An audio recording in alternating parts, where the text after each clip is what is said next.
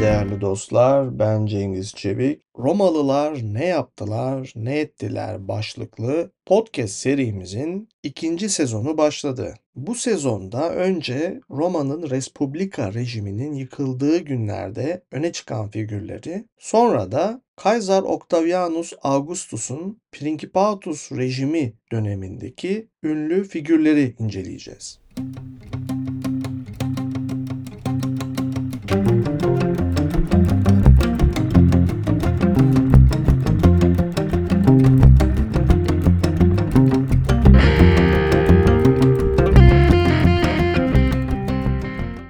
Bu bölümde belki de Roma tarihinin en büyük ismini ele alacağım. Marcus Tullius Cicero. Elbette Cicero'nun Roma'nın en büyük ismi olması öznel bir değerlendirmenin sonucudur. Neticede bu podcast serisini de ben hazırlıyorum. Dolayısıyla bir özne olarak bana göre Cicero Roma tarihinin en önemli figürüdür. Akademik çalışma alanımın büyük bir bölümünü o kaplar. Onun yazdığı eserler üzerine düşünmeyi ve yeni düşünceler elde edip onları kaleme dökmeyi ve insanlarla paylaşmayı severim. Onun yazdığı eserleri çevirmeyi de severim. Onunla ilgili kaleme alınmış olan antik ve modern kaynakları da gözden geçirmek benim için sadece akademik bir tutku değildir. Ondan hala öğrenecek çok şeyimiz olduğunu düşünürüm. Onun yaşamı örnek bir devlet adamının ve bir filozofun yaşamıdır. Elbette her insan gibi doğruları kadar yanlışları da olmuştur.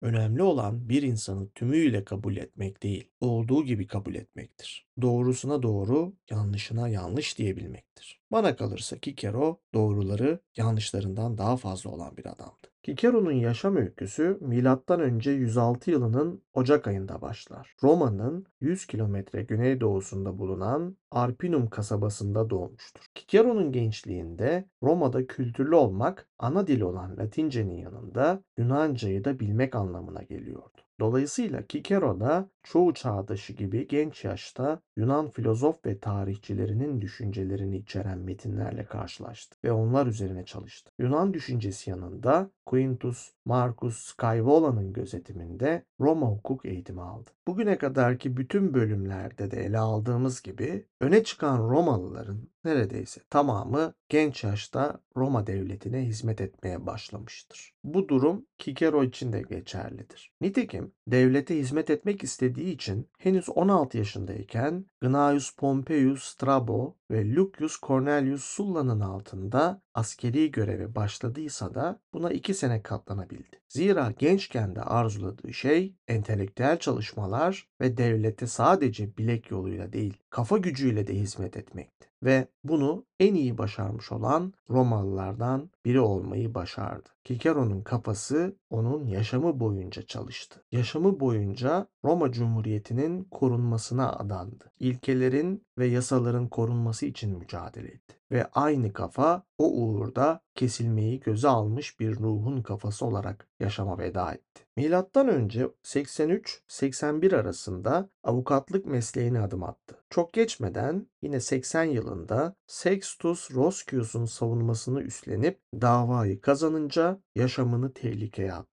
Zira mahkemede suçladığı kişi dönemin diktatörü olan Sulla'nın gözdesiydi. Kikero Sulla'nın olası hışmından kendini korumak için 79 yılında sırasıyla Atina'ya, Küçük Asya'ya ve Rodos'a gitti. Kikero özellikle de dönemin kültür başkenti olan Atina'da saygın düşünce adamlarıyla tanışıp felsefe ve retorik alanında kendisini eğitti. Kikero 75 yılında Batı Sicilya'da kuaystor oldu. Burada görev hayatı başarılı olduğu için Sicilyalılar memnun olmadıkları Sicilya valisi Gaius Verres'e karşı mahkemede avukatlık yapmasını istedi. Kikero'nun bu davadaki başarısı hem hukuk hem de devlet adamlığı kariyerinin parlamasına neden oldu. Roma'ya döndü ve orada da ard arda davalar kazanınca Roma'nın en etkin hatiplerinden biri oldu. Hitabet Roma'daki en önemli sanatlardan biriydi. İnsanlar hitabet gücüne bağlı olarak kariyerlerini belirliyordu. Kikero ne Roma'nın kurucu ailelerinden yani Patrikiae sınıfından birine mensuptu ne de çoğunluğu oluşturan plebs sınıfı içinden biriydi. Onun siyasette parlamasını sağlayan sahip olduğu hitabet gücüydü. Bu yeteneği sayesinde M.Ö. 75'te Quaestor,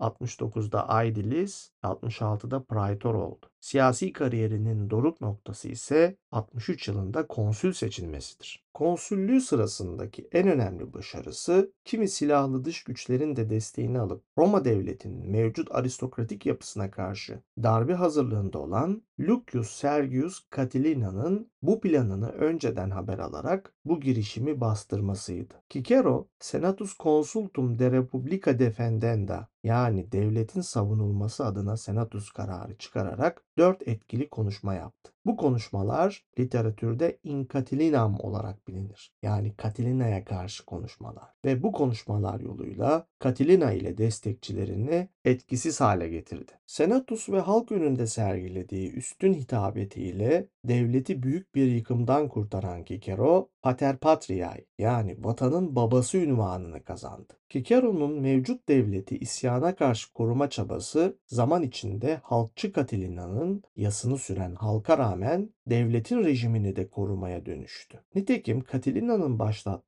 ama eyleme döküp tamamlayamadığı halk hareketi içten içe devletin temellerini sarsıyordu. Sarsılan sadece devlet değil, aynı zamanda Cikero'nun kariyeriydi. 58 yılında plebs tribunusu olan Publius Claudius Pulcher, Lex Claudia Decapite Civis Romani yani Roma vatandaşının idamı üzerine Claudius yasası olarak bilinen bir yasayı teklif etti. Buna göre bir Roma vatandaşını yasal mahkemede yargılamadan idam ettiren kişiler sürgün cezası alacaktı. Onun hedefinde Kikero vardı. Zira 4 yıl önce Kikero Katilina tertibine katılan bazı üyeleri yasal mahkemede yargılamadan idam ettirmişti. Kikero yasanın kabul edilmemesi için senatörlerin, konsüllerin özellikle de Pompeius'un desteğini aradıysa da istediğini bulamadı ve sürgüne gitti. Bu arada Roma uzunca bir süredir alışkın olduğu gibi yine siyasal çekişmelerin esiriydi. Halk mevcut rejimi siyasi ve askeri başarısızlıkların sorumlusu olarak görüyor. Dolayısıyla mevcut rejime yani Respublika'ya taban tabana zıt olan tek adam rejimini yoksulluk başta olmak üzere her türlü sıkıntıdan kurtuluşun adresi olarak değerlendiriyordu.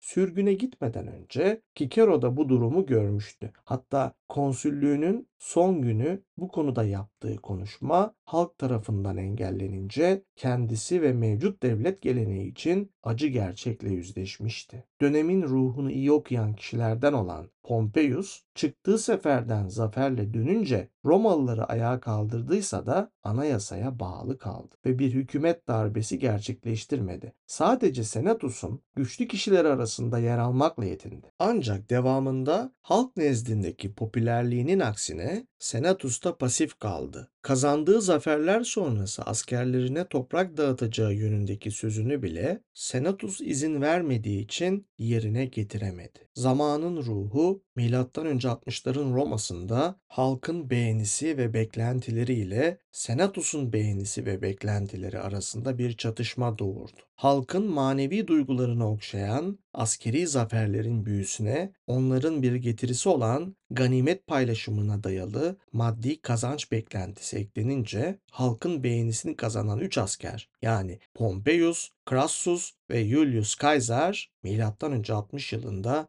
birinci üçlü yönetimi yani ilk triumviriyi kurdu. Halkın iradesini yerine getirme adı altında bir dizi uygulamaya girişen bu üçlü aslında Cumhuriyet'in aristokratik dinamiklerini baltalıyor, böylece monarşiye uygun bir ortam hazırlıyordu. Julius Caesar tüm Galya'yı Roma eyaleti yapınca birden bu üçlünün halk nezdindeki en popüler kişisi oldu. Eski ihtirasları kabaran Pompeius ayak oyunlarıyla Senatus'u arkasına aldı ve nispeten silik bir karakter olan Crassus'un da kenara çekilmesiyle bu üçlü yönetim birden birbiriyle çekişen iki başlı bir yapıya dönüştü. Cumhuriyetçi Senatus, Kaysar'a oranla Pompeius'u kötünün iyisi olarak görüyordu. Dolayısıyla onu Cicero gibi Cumhuriyet'in yılmaz bekçilerinden olan Cato'nun da teklifiyle yardımcısız konsül seçti. Buna yumuşatılmış bir diktatörlük denebilir. Kaiser karşıtı olan konsüller yurdu savunsun diye Pompeius'u İtalya'daki tüm birliklerin başına atadı. Kaiser da kendisine sığınmış olan halk tabakasını bahane ederek halkın haklarını savunma gerekçesiyle Pompeius'un üzerine yürüdü. Asıl amacı ise İtalya ve Roma'yı ele geçirerek halkın beğenisini kazandığı ve beklediği tek adam yani kurtarıcı olmaktı. Kendisini kurtarıcı olarak görüyordu Kaysar. Nitekim daha önce de Kaysar'ın katillerini ele alırken gerek Cassius gerekse Brutus'un hayatını ele alırken burada ne demiştik? Onlar da kurtarıcılar olarak tanımlanmıştı. Yani bir zamanlar Kaysar halkın kurtarıcısıyken daha sonra Kaysar'ı öldüren Cassius, Brutus ve diğer cumhuriyetçiler kurtarıcı olarak görülmüşlerdir. Çarkı felek böyle bir şey veyahut feleğin tekeri döner yukarıdakini aşağıya aşağıdakini yukarı çıkarır. Sonra yine tersi. Pompeius ve arkasındaki senatörler halktan destek bulamayınca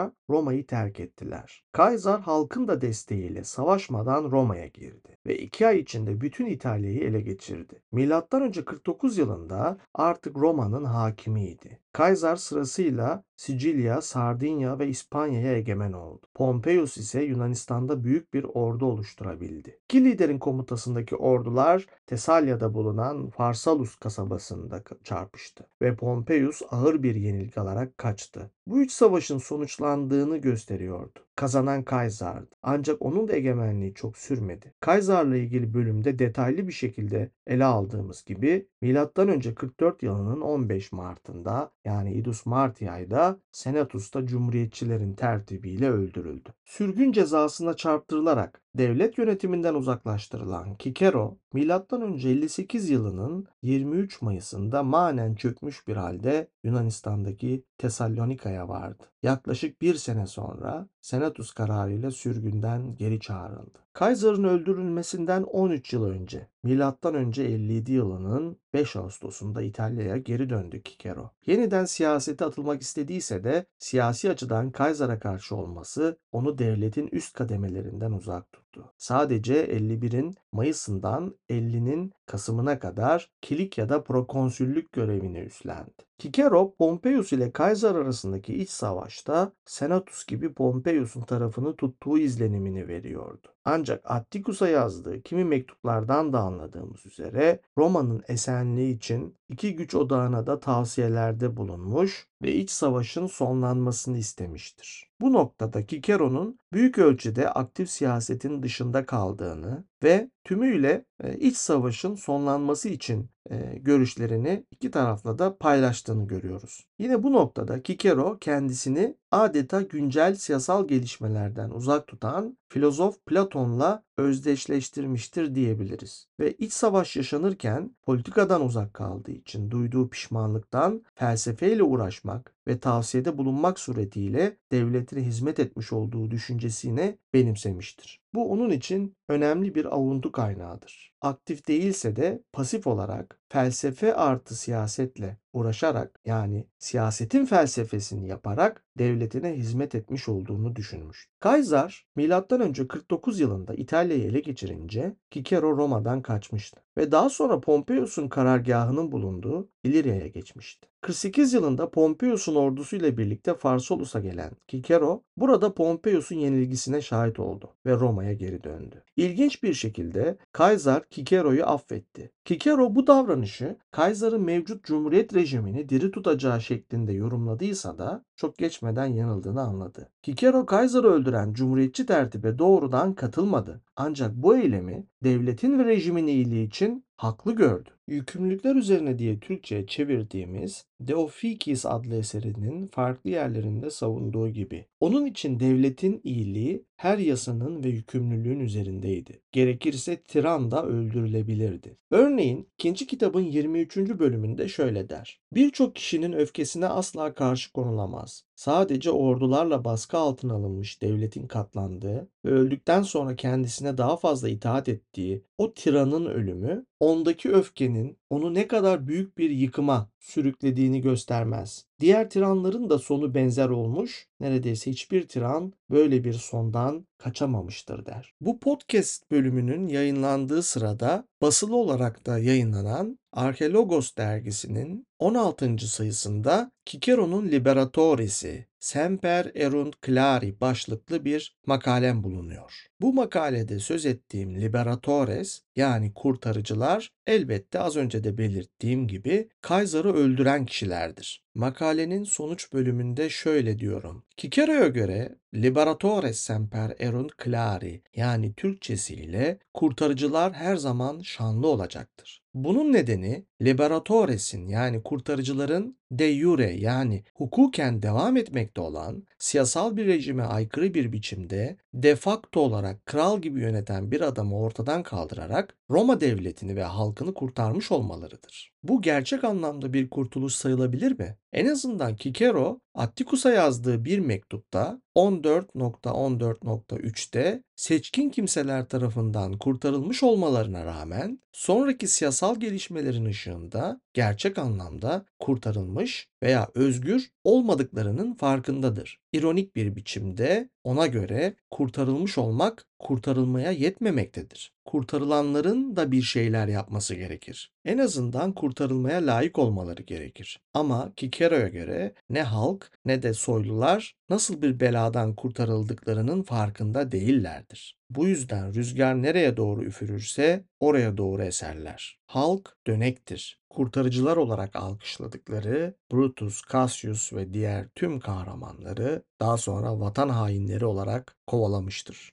Ama Cicero'ya göre en nihayetinde liberatores yani kurtarıcılar Kaiser'ın örneklediği türden zorbalık dönemlerinde kahramanların nasıl bir tavır takınması gerektiği konusunda örnek olmuşlardır. Cicero, Kaiser'ın öldürülmesinden sonraki gelişmeler konusunda ne kadar hayal kırıklığı yaşasa da en nihayetinde mücadeleyi sürdürmeye devam etmiştir. Kaiser'ın öcünü alacağına dair halkın önünde yemin eden Marcus Antonius'un da tek adamlık hayalleri kurduğunun farkındaydı. Bu yüzden ona karşı Filippikay söylevleri olarak tarihe geçen birçok konuşma yaptı. Bu konuşmalardan anladığımız kadarıyla Cicero, Marcus Antonius'u Kaysar'dan bile daha büyük bir tehlike olarak görüyordu. Bu yüzden onun da Kaysar'la birlikte öldürülmesi gerektiğini düşünüyordu. Ama öldürülmemişti. Türkiye İş Bankası Kültür Yayınlarından çıkan Brutus ile Mektuplaşmalar başlıklı çalışmamızda da bu konuyu ele aldık. Cicero'nun Brutus'a serzenişinde ısrarlı bir şekilde neden Antonius'u da öldürmedikleri sorusu yatar. Bari o zaman öldürmediniz, şimdi öldürün minvalinde bir telkin vardır. Ancak bu telkin Cicero'nun istediği türden olumlu bir yanıt alamamıştır. Yine de Cicero, Kaiser'ın yeğeni Octavianus'la mücadeleye girişen Marcus Antonius'a karşı Octavianus'u savunmaya karar verdi.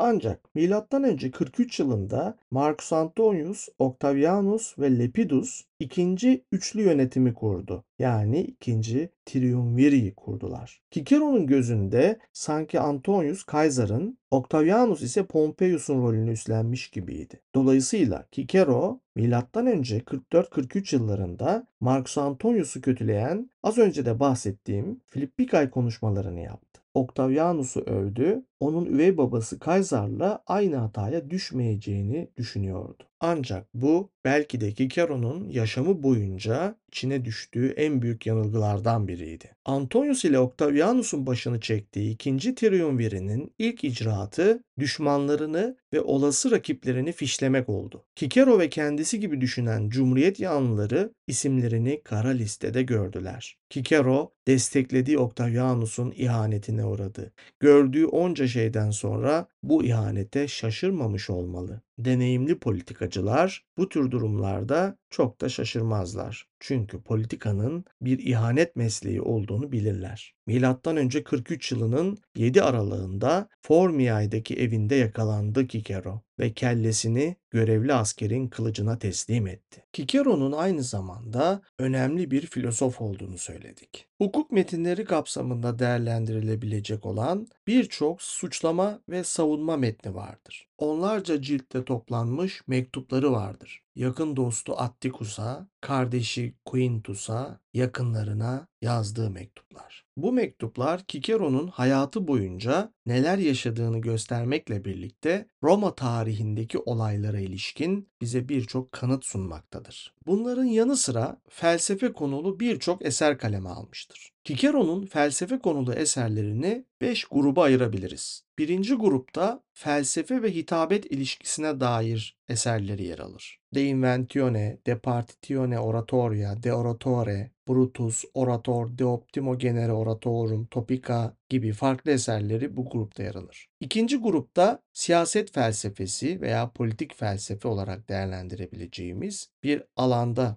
yazılmış eserler yer alır. De Republica yani devlet üzerine, De Legibus yani yasalar üzerine adlı eserleri bu kapsamda değerlendirilebilir. Bunun dışında üçüncü grupta ahlak felsefesi bağlamında kaleme aldığı eserler yer alır. Yükümlülükler üzerine diye çevirebileceğimiz De Officis, yaşlılık üzerine diye çevirebileceğimiz Cato Major de Senectute, dostluk üzerine diye çevirebileceğimiz Laelius Sive de Amicitia bu eserlerdir. Dördüncü grupta spekülatif felsefe metinleri yer alır. Akademika, iyi ve kötü şeylerin gayeleri üzerine diye çevirebileceğimiz De Finibus Bonorum et Malorum, Tusculanae Disputationes, Paradoxa Stoicorum, Hortensius, bu kapsamdaki eserleridir. Kicero'nun felsefe konulu eserlerinin son grubunda teolojik metinler yer alır. Tanrıların doğası üzerine diye çevirebileceğimiz De Natura Deorum, kehanet üzerine diye çevirebileceğimiz De Divinatione ve kader üzerine diye çevirebileceğimiz De Fato bu grupta yer alır. Görüldüğü üzere aktif siyaset yaşamının yanı sıra aktif bir felsefe ve yazarlık yaşamı da vardır Kicero'nun. Bu açıdan sadece Roma'da değil Yunan literatürüyle de karşılaştırıldığında eşsiz bir figürdür Kikero. Yunan felsefesinin Latince'ye aktarılması ve dolayısıyla Latince üzerinden sonraki çağlara aktarılması açısından Kikero adeta bir köprü olmuştur ve öncelikle Orta Çağ, daha sonra da Rönesans dönemi filozofları Yunan felsefesini büyük ölçüde Kikero'dan öğrenmişlerdir. Ondan öğrenmeseler bile mutlaka ikincil kaynak olarak Kikero'nun eserlerine bakma gereğini hissetmişlerdir. Onun eserleri çağlar boyunca korunmuş ve bir üstadın eserleri olarak değerlendirilmiştir. Bu eserler hem aktardıkları Yunan ve Roma düşünceleriyle hem de Kikero'nun kendi yaklaşımlarıyla önem kazanmıştır. Erken dönemde kilise tarafından erdemli pagan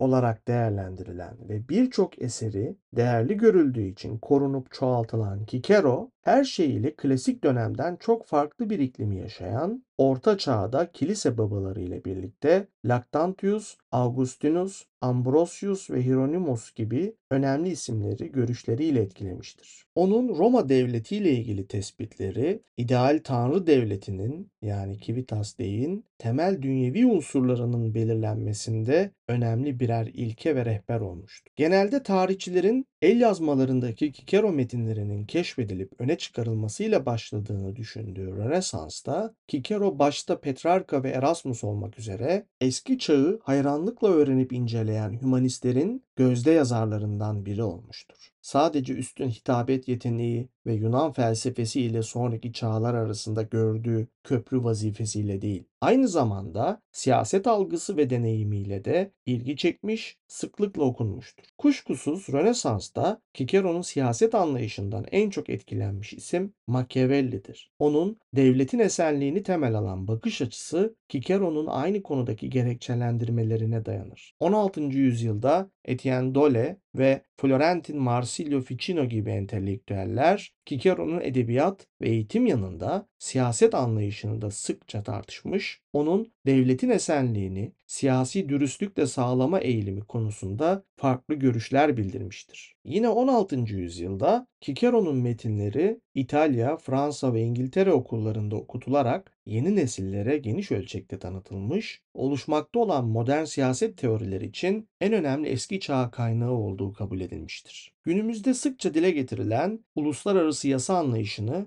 Rönesans'ta ilk defa kapsamlı bir şekilde irdeleyen Hugo Grotius, Cicero'nun yasa anlayışından etkilenmiştir. Toplum sözleşmesi konusunda doğal gerekçeleri öne çıkaran Thomas Hobbes da yine Cicero'nun anlattığı dünya hayatındaki doğal yasalara güdümlülük olgusunu dikkatle irdelemiş, yeri geldiğinde sert bir şekilde eleştirmekten de geri durmamıştır. 17. yüzyılın ünlü İngiliz Cumhuriyetçileri James Harrington, John Neville ve Algernon Sidney, gerçek liberaller yani Real Whigs hareketinin sonraki yüzyıla aktarılmasını sağlarken çok eleştirdikleri Cicero'yu temel kaynak edinmiştir. Önemli Cicero analizcilerinden olan Wood, 18. yüzyılda John Locke kadar Cicero'ya borçlu olan bir siyaset kuramcısının olmadığını söyler. Locke da duysaydı bu görüşü kabul ederdi. Zira ona göre Cicero çok büyük adamlar arasındadır ve belki de en büyüğüdür. Cicero 18. yüzyıl aydınlanmasının simgesel kaynaklarındandır. Klasik çağa aşırı bir ilginin olduğu bu dönemin Cicero yüzyıl olarak anılması şaşırtıcı değildir. Yazar Neil Wood şöyle der. Kuşkusuz Cicero bu çağın yani 18. yüzyılın önde gelen bir kültür kahramanıydı. Büyük bir filozof olarak saygı gören, üstün bir stilist, seçkin karşılanan bir halk adamıydı. Batıl itikadı aşağılayan biri olarak övülüyordu. İnsancıl bir kuşkucu ve cesur bir devlet adamıydı. Kendini adamış bir vatansever ve tiranlığa karşı özgürlüğün ateşli bir savunucusuydu. Bu niteliklerden ötürü Voltaire, Montesquieu, Diderot ve Rousseau Cicero'yu över ve örnek bir şahsiyet olarak kabul eder. Mirabeau ve Robespierre gibi ateşli Fransız devrimcileri için de Cicero'nun anlamı farksızdır. Bilhassa ateşli cumhuriyetçilikleri bakımından. Nitekim krala ve yandaşlarına karşı devrimci retoriğin eşsiz bir örneği gibidir Cicero. Keza İngiliz dünyasında da Edward Gibbon, Burke, Pitt, Fox ve Sheridan gibi özgürlükçü isimler Cicero'ya saygı duymuştur. Deneyci ve kuşkucu David Hume ile liberal düşüncenin sembol isimlerinden olan Adam Smith'in de Cicero'ya hayranlığını biliyoruz. Neil Wood'a göre ise kimse Edmund Burke kadar Cicero'ya bağlı olamayacaktır. Bu bağlılık duygusunun Avrupa'dan Amerika kıtasına da geçtiğini, Amerika'nın kurucu babaları John Adams, Benjamin Franklin ve Thomas Jefferson'ın da Cicero'nun devlet anlayışından etkilendiği bilinmektedir. Bağımsızlık bildirgesinin dilinde Cicero'nun hitabetinden esintiler bulanlar da vardır. Öne çıkarılan özellik yine Cicero'nun tiranlığa karşı özgürlüğün sesi olmasıdır. Cicero adeta bağımsızlık ruhuyla Roma devleti ile Amerika arasında bir köprü olmuştur. O cesur yeni dünyanın değilse de özgür yeni dünyanın kuruluşta örnek aldığı simgesel isimlerden biridir. Cicero'nun Batı dünyasındaki etkisi bugün de sürmektedir. Bugün de kapalı rejimlerde modern tiranlara, Kaiserlara karşı özgürlüğün, baskı ve zulme karşı direnişin örnek alınması bir kahramanıdır Cicero. Birçok cesur devrimciye model olmuştur. Sadece yaşamı değil, sözleriyle. Örneğin Filipikal söylevlerinin bir yerinde tüm iyi insanlar güçleri yettiğince katıldı. Kaiser'ı öldürdüler demiştir. Bu benzer türden bir harekete girişecek olanlara cesaret verecek olan bir sözdür. F.R. Cowell 1940'larda yazdığı Cicero and the Roman Republic kitabında şöyle der. Cicero ile Kaiser arasındaki savaş çağlar boyunca sürmüştür. Bugün de sürüyor. Yazarın kastettiği şudur. Cicero özgürlüğün temsili, Kaiser ise zorbalığın. Zorbaca yönetimler ve o yönetimlere gösterilen tepkiler olduğu sürece Cicero saygı görmeye devam edecek. Trump'ın başkanlığının son günlerinde Amerika'daki birçok liberal klasikçi Roma'yı ve Cicero'yu hatırlatarak Amerika Birleşik Devletleri'nin kurucu ideallerine geri dönmeyi umuyordu. Ellerinden gelen buydu. Çünkü az önce de bahsettiğimiz gibi Amerika Birleşik Devleti'nin kurucu babaları aslında hem Cicero'ya hem de Roma'ya hayrandı. Roma'nın özgürlükçü ideallerinden kopuş aslında Amerika'nın kurucu ideallerinden kopuş anlamına geliyordu. Bu yüzden Cumhuriyetçilerin kongre baskını sırasında ve hemen sonrasında Amerikalı klasikçiler özellikle de liberal olanlar elbette Romalı Sulla'nın senatosu basmasını, Catilina komplosunu, Kaysar'ın popülizmini ve iktidarını ve Cicero'nun Antonius'a karşı verdiği Filippikal söylevlerini sıkça andılar ve Cicero'yu ve Cicero gibi kahramanları yücelttiler. Çünkü biliyorlardı ki Cicero gibi adamlar artık günümüzde yaşamıyorlar. Kahramanları kitaplarda arıyoruz. Geçmişte tarihin tozlu sayfalarında. Bu yüzden bazen tarih eserleri okumak, gazete okumaktan daha fazla moral ve cesaret verir insana. Cicero'nun metinlerini de bu yüzden önemsiyorum. Hala günümüzde bize söyleyecek bir şeyleri var. Bu bölümle birlikte Roma'nın Respublika rejimine veda ediyoruz. Bir sonraki bölüm Octavianus Kaysar'la ilgili olacak. Yani Roma İmparatorluğunu kuran adamla ilgili. Plutarkos'un aktardığına göre Octavianus Kaysar Augustus olduktan sonra bir gün Cicero'nun torununu ziyaret etmiş. Bu aktarıma göre Augustus bu ziyaret sırasında çocuğun kendisinden korktuğunu ve dedesi Cicero'nun kitabını saklamaya çalıştığını görmüş. Bunun üzerine onu durdurup kitabı almış ve birçok sayfasını okuduktan sonra oğlum bu eğitimli bir adam. Yani senin deden eğitimli bir adam. Belagatli ve vatansever diyerek Cicero'yu övmüş. Bu övgüyü nasıl yorumlamak lazım? Kimilerine göre bunu Antonius'a karşı zafer kazanmış ve iktidarını sağlamlaştırmış olan Augustus'un bir Antonius karşıtı olan Cicero'nun dostlarına zeytin dalı uzatması olarak yorumlamak mümkündür. Kimi yazarlar bu övgünün Augustus'un Cumhuriyet'in restorasyonu propagandasıyla uyumlu bir davranış olduğunu söyler. Cicero sadece Augustus'un ve Romalıların gözünde değil, aynı zamanda sonraki çağlarda ve günümüzde birçok kişinin gözünde kahraman olmaya devam etmektedir. Cicero'dan haz etmeyenler veyahut onun yanlışlarının doğrularından daha fazla olduğunu iddia edenler bile Cicero'yu incelemeye devam ederler. Martin Luther'in Nietzsche tarafından da alıntılanan bir sözü vardır. Bilge ve çalışkan bir adam olan Cicero çok acı çekti ve çok şey yaptı.